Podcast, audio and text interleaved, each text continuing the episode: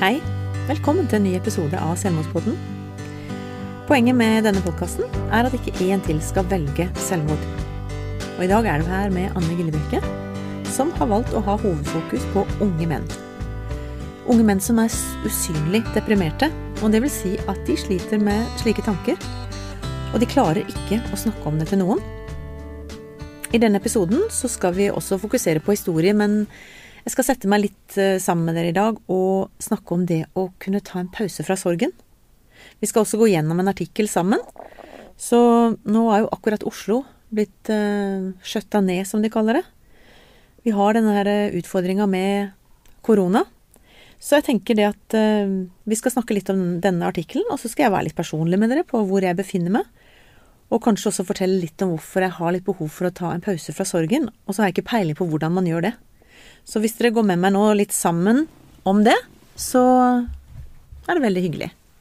Jeg har vært inne på Helse-Norge og sett, for det er jo liksom typisk sånn person som skal prøve å gjøre alt riktig. Um, og det er jo ikke så smart. Men i hvert fall så er det veldig mye man kan finne hos uh, min venn Google. Og her inne på Helse-Norge så står det jo litt om sorg og sorgreaksjoner. Og som jeg har sagt til dere tidligere, så har jeg jo ikke klart å sørge ordentlig, tenker jeg i forhold til åssen disse fasene skal være, og jeg har ikke klart å være ordentlig sint. Jeg har klart å være kanskje sint på noen ting, men, men sinne er ikke en sånn veldig fremtredende sak hos meg generelt. Eh, så heldigvis så står det her i Helse-Norge at det er ikke noe fasit på hvordan du skal reagere hvis, du, hvis noen du er knytta til, dør. Det står at vi skal tillate oss å føle det vi føler, og være forberedt på at følelsene vil endre seg. Så sier de også at det fins mange tilbud for å bearbeide sorgen. Og her er det jo litt sånn forskjellig input, da. Som nevnt så er jeg med i noen Facebook-grupper som er spesielt for etterlatte etter selvmord. Og det er veldig, veldig varierende hvordan hjelp man får. Og for deg som kanskje har innflytelse i forhold til politikk eller på andre, andre ting, så bare vit at eh, det er dessverre et godt stykke igjen før etterlatte føler seg ivaretatt etter et selvmord. Nå skal ikke jeg foregå eller foregripe begivenhetenes gang, som det heter, men jeg har iallfall blitt forespurt om å være med i en artikkel som kommer på i forhold til etterlatte. Og jeg er veldig glad for at media setter fokus på en del av de områdene som er helt forferdelig at ikke etterlatte får hjelp til. Nå skal vi ikke gå inn på det, for det kommer til å komme litt seinere eh, både på media, og vi kommer til å dele det her også. Men eh, jeg tror jeg bare skal fortsette litt med å si hvor jeg befinner meg sjøl, for det har vært litt sånn merkelig de siste Kanskje spesielt den siste uka. Jeg har fortalt nokså konkret om den 9. august 2019, når Thomas døde, og når vi da måtte ha den her årsdagen for hans dødsfall, det var noe av det verste for min del. Hvor jeg hadde bare lyst til å flykte unna. Eh, og det blei ekstra, ekstra tøft. Det blei altfor mange, eller ikke altfor mange, det blei veldig mange tanker om hver gang jeg så noen på hans alder, så blei det så fullstendig meningsløst, det vi var igjennom. Og eh, på en måte så virker det som en evighet siden han døde, og på den annen side så føler jeg at det var i går, liksom. Altså sånn, det er, det er veldig mye rare følelser. Og så står det her på helsenorge.no så står det at det å miste en av sine nærmeste kan oppleves som at en mister noe av seg selv. Altså De som vi lever i nærheten av, de kan bidra til å gi vårt liv mening. Og når de blir borte, så kan det innebære en stor forandring. Og det er klart at det gjør det. For oss i nærmeste familie og vennskapskrets så blir livet snudd helt på hodet. Verdiene dine blir satt på en prøve. Hva i all verdens rike er det egentlig jeg tror på nå? Hva er det jeg har igjen?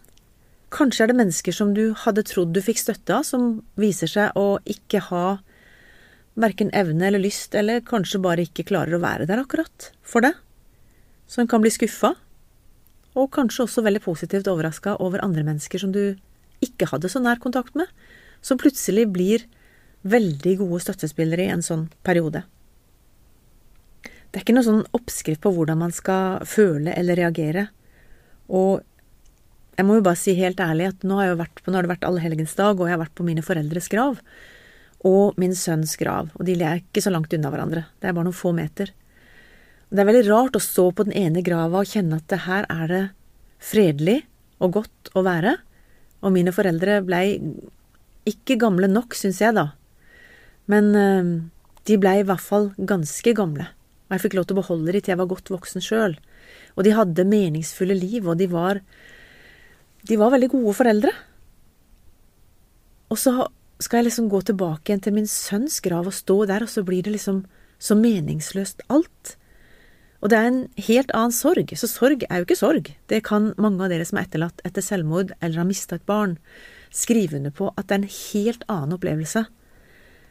For med mine foreldre så har jeg jo en god følelse. Jeg kan stå der og smile og takke, være takknemlig. Det er, det er bare en helt annen sorg. Jeg kan ikke beskrive det på noen annen måte. Og det at man mister noen i selvmord, det gjør jo at ikke du får noen mulighet til å forberede deg. Det er kanskje ikke helt sant, for noen, noen av dere har jo opplevd å miste noen som har varsla om dette i forkant, som kanskje har strevd i mange år. Men vi er ganske mange som har opplevd at den her gladgutten eller gladjenta som hadde masse venner, og som det virka som alt gikk på skinner, og så plutselig så dør de uten at vi får noen for forvarsel, uten at vi kan hjelpe til, uten at vi kan gjøre noe som helst. Er vi på ikke, vi er ikke tatt med i i hele den prosessen, den har de gått med helt aleine. Nå snakker vi jo ikke noen ting om metoder i selvmordspodden, men selvfølgelig at måten ting blir gjort, med, gjort på, kan også påvirke reaksjonene som er. Det som er ganske typisk, er jo at det er helt sånn uvirkelig etter at du har fått vite om dødsfallet. Det er akkurat som jeg husker ingenting av turen fra vi stoppa etter en time, og de siste tre timene husker jeg. Jeg husker ingenting. Jeg har ikke et glimt av hvor vi var hen engang. Før vi Altså, neste glimt er kapellet, hvor vi står og venter på at uh, min eldste datter skal ankomme, og jeg vet at Thomas ligger liksom ti meter unna meg. Så det er veldig sånn der eh, vanlig, tror jeg, å ha fått en sånn uvirkelig følelse i begynnelsen. Og det som er kanskje litt sånn skremmende for folk som ikke har opplevd selvmord nært på kroppen, er jo at man har behov for å prate om det. Veldig behov. Kanskje ikke alle familier har det sånn, men hos oss så prata vi I den innerste indre kjernen så måtte vi prate og fortelle og snakke og grine. Og det er jo også mange i den gruppa som har bedt meg om å snakke om dette med skyldfølelse. Jeg tror kanskje vi må ta eget, eh, en egen podkast på det igjen litt seinere. For på en eller annen måte så Det er ikke det som er tyngst hos meg nå. Vi hadde jo to programmer med Egil Svartdal, hvor han snakka om dette med skam, skyldfølelse, og hvordan skammen på en måte Men da, da tok han nok mer sånn skam i forhold til den som sjøl begår selvmord. Men også den skyldfølelsen som mange av oss etterlatte kan sitte igjen med. Det har ikke vært det jeg har slitt mest med, for å si det sånn. Jeg kan ha vært kjempelei meg og seinest i går så, så jeg på noen av tatoveringene. Han, ble veldig fascinert av tatoveringer de siste årene, og hvorfor spurte han ikke hva det egentlig betydde? Noen av de virker jo som at det er mye sånn litt sånn dystert, og litt sånn masse splinter av ting. Så jeg tenkte, er det en måte han egentlig prøvde å si noe på med disse tegningene? De var jo fine på sin måte. Og han snakka jo mye om at han hadde familietre og navnene våre og litt sånn, men men at det var så mange som tok tatoveringer i den tida. Jeg tenkte jo ikke på at dette liksom betydde at han hadde det helt forferdelig inni seg. Men det er mange ubesvarte spørsmål. Og vi leiter fremdeles, og det gjør sikkert mange av dere som er etterlatte også. Disse fasene, skal vi gå gjennom de bare for å ha, ha gjort det også? Altså, det er jo noen som har sagt til meg at de her fasene de er utdaterte, de gjelder ikke lenger. Men i hvert fall så står det jo noe som i fagbøkene så står det at den første fasen er sjokkfasen, og når den går over, så kommer reaksjonsfasen med gråt og tristhet og protest og sånn at det er ikke sant, eller sinne. Og så er den siste fasen da nyorienteringsfasen. Nei, det er en sånn bearbeidelsesfase imellom, ser du, jeg har ikke noe særlig peiling, jeg bare kikker litt der, jeg nå. Men jeg vet egentlig ikke hvor jeg er, jeg, annet enn at Forrige uke når jeg sto på grava til Thomas, så kjente jeg Thomas, når jeg holdt på med og sagt ja til absolutt alle foredrag, alle intervjuer, om det har vært i den ene eller andre medier, så har jeg sagt ja til alt. Og vi har også starta denne selvmordspodden, jeg har skrevet boka. Jeg har holdt på med dette med selvmordsforebygging og å få åpenhet rundt dette temaet i snart ett og et halvt år, eller ett år og tre måneder. Og så kunne jeg kjenne at jeg er egentlig litt sliten av det. Kan jeg ta en pause? Og jeg aner ikke hvordan den pausen skal se ut. Nå hadde jeg jo ikke tenkt å lage sending i dag, men nå gjør det allikevel. For det er rett og slett ganske slitsomt å holde på med dette, sjøl om det har vært ekstremt altså meningsfullt oppi alt det meningsløse. Jeg hadde tusen spørsmål, og det å drive podkasten har jo også gjort at jeg har fått lov å stille en del spørsmål til fagfolk og til andre som har gått mye lenger i dette enn jeg har. Og det er absolutt ikke sikkert at dette er siste episoden, det tror jeg ikke, men eh, jeg hadde bare lyst til å si det, at det er der jeg har befunnet meg nå, at jeg var så sliten av å sørge. Men jeg vet ikke hvordan man kan ta seg en pause fra sorgen. Eh, dette som står om på Helse-Norge, så står det også litt om sorg hos barn. At barn også sørger, selv om de ikke alltid uttrykker det så klart. Og det er i hvert fall noe vi har sett veldig tydelig i vår familie. At barn sørger på sin egen måte. Og det å få telefoner fra mine barnebarn hvor de ligger og holder rundt eh, skjorta til Thomas, eller eh, plutselig bare gråter fordi de savner onkelen sin Det er hjerteskjærende at et barn skal oppleve noe sånt. Men det er viktig at de får lov til å snakke om sine egne tanker og følelser, og det gjør også at de blir bedre rusta senere i livet når de opplever vonde ting. Kanskje kan de tegne, kanskje kan de få snakka på sin måte, da.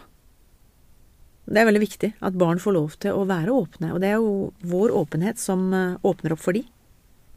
Til slutt skal vi bare snakke litt om hvordan du kan hjelpe noen som sørger. Det har vært veldig mye snakk om eh, her i podkasten, så snakker jeg alltid om det, at hvor er den personen som kan organisere dette her? Og nå virker det jo som at det, det skal dukke opp eh, både sorggrupper, erfaringskonsulenter, forskjellige typer mm, selvhjelpsgrupper som er på gang. Vi har, hadde forrige uke om Anette som har starta Lillebrors minne for å hjelpe etterlatte. Så heldigvis så dukker det opp ganske mange, mange ting som kan hjelpe sørgende. Og mange er jo redd for hva skal vi si for noe. For ord blir jo veldig ofte tomme og meningsløse, men de, alle de jeg har snakka med, sier det samme, at det, er jo ikke de ordene hvis ikke folk sier noe helt flåsete, tullete, da. Så er det bare mer at uh, du tenke på det. Dette her uh, Jeg har ikke ord. Men uh, jeg tenker virkelig på dere. Så kanskje det er viktigere å bare ha tid til å lytte hvis du skal besøke noen som har mista noen. At du ser det inn i øynene. Nå står det også håndtrykk her, men det er jo helt umulig nå. Og det har jeg sagt flere ganger, at uh, guri land så glad jeg er, midt oppi alt, at dette skjedde før korona. For tenk alle de klemmene som vi ikke hadde fått. Den nærheten som du trenger så sårt. Plutselig skal du ha to meters avstand, eller én meters avstand og munnbind. Det som er veldig viktig å vite med en som sørger, er det at det er veldig vanskelig å be om hjelp, selv om vi trenger det. Så her står det også at praktisk hjelp er noe av det beste, og det kan jeg skrive under på. Det å tenke på selv den minste ting, bare det å komme med noe ferdig middag, eller å tilby deg å gå og handle, fordi det er grusomt å gå på butikken, eller kanskje, du, hvis, hvis, du går ut en tur, kan ikke jeg komme inn og så bare vaske over huset?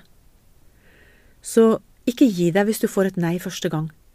Og gjerne også, sånn som Manette nevnte sist gang i podkasten, du, jeg, jeg, vet at ikke det passer akkurat nå, men kan jeg ringe, jeg ringer deg igjen i morgen, jeg. Så tar du telefonen hvis du orker. Eller jeg kommer til å ringe deg hver tirsdag. Og når du orker, så tar du telefonen. Og så kommer jeg innom deg i morgen, klokka da og da. Og hvis ikke du tar og åpner døra, så skjønner jeg at ikke du orker. Hvis du åpner døra, så vil jeg gjerne bare Nå har jeg et par timer, så jeg vil hjelpe deg med akkurat det du trenger da. Så en ting som jeg har lyst til å si helt til slutt, er det at um, det er viktig å få nok søvn og spise nok. Dette har vi snakka om både i en egen podkast, og det er min egen erfaring også, at det er noe jeg jakter mest på. Jeg må passe på at jeg får spist riktig, sånn at kroppen min kan holde seg sterk når det er så mye annet som uh, er utsatt, og også at jeg får sovet nok. For det kan virke helt sånn likegyldig, og det å passe på seg sjøl blir veldig vanskelig. Så hvis du skal gi noe råd til noen, så er det akkurat det. Ikke bli svekka på disse tingene her også. Det er kjempeviktig at du får sove nok og spist nok. Det at man ikke hele tida skal være i sorgen, det at man får noen pusterom, enten ved å prate med noen eh, i det profesjonelle hjelpeapparatet eller med noen gode venner, Og kanskje det å kunne komme seg litt ut. Kanskje det er en sak. Kom deg på kino, eller eh, å gå en tur, eller hva som helst annet. Med noen som du er trygg på. Eh, dette med å føle skyld.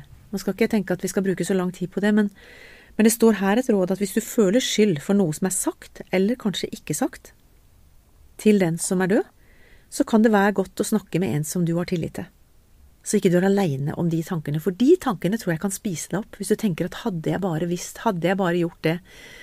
Det er veldig sånn eh, blindgate å gå inn i, som jeg tror bare er sånn spiral som går nedover.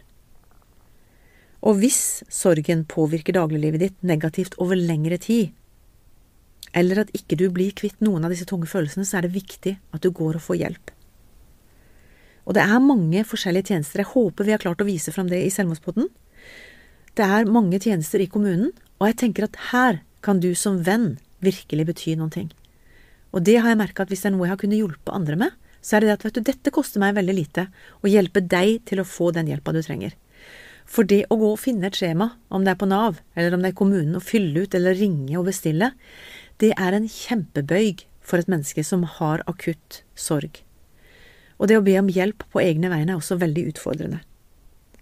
Så derfor så er det viktig at dere som er rundt, tenker at dette er noe som dere kan hjelpe til med, når dere ser at noen, og vet om noen, som sliter etter et dødsfall.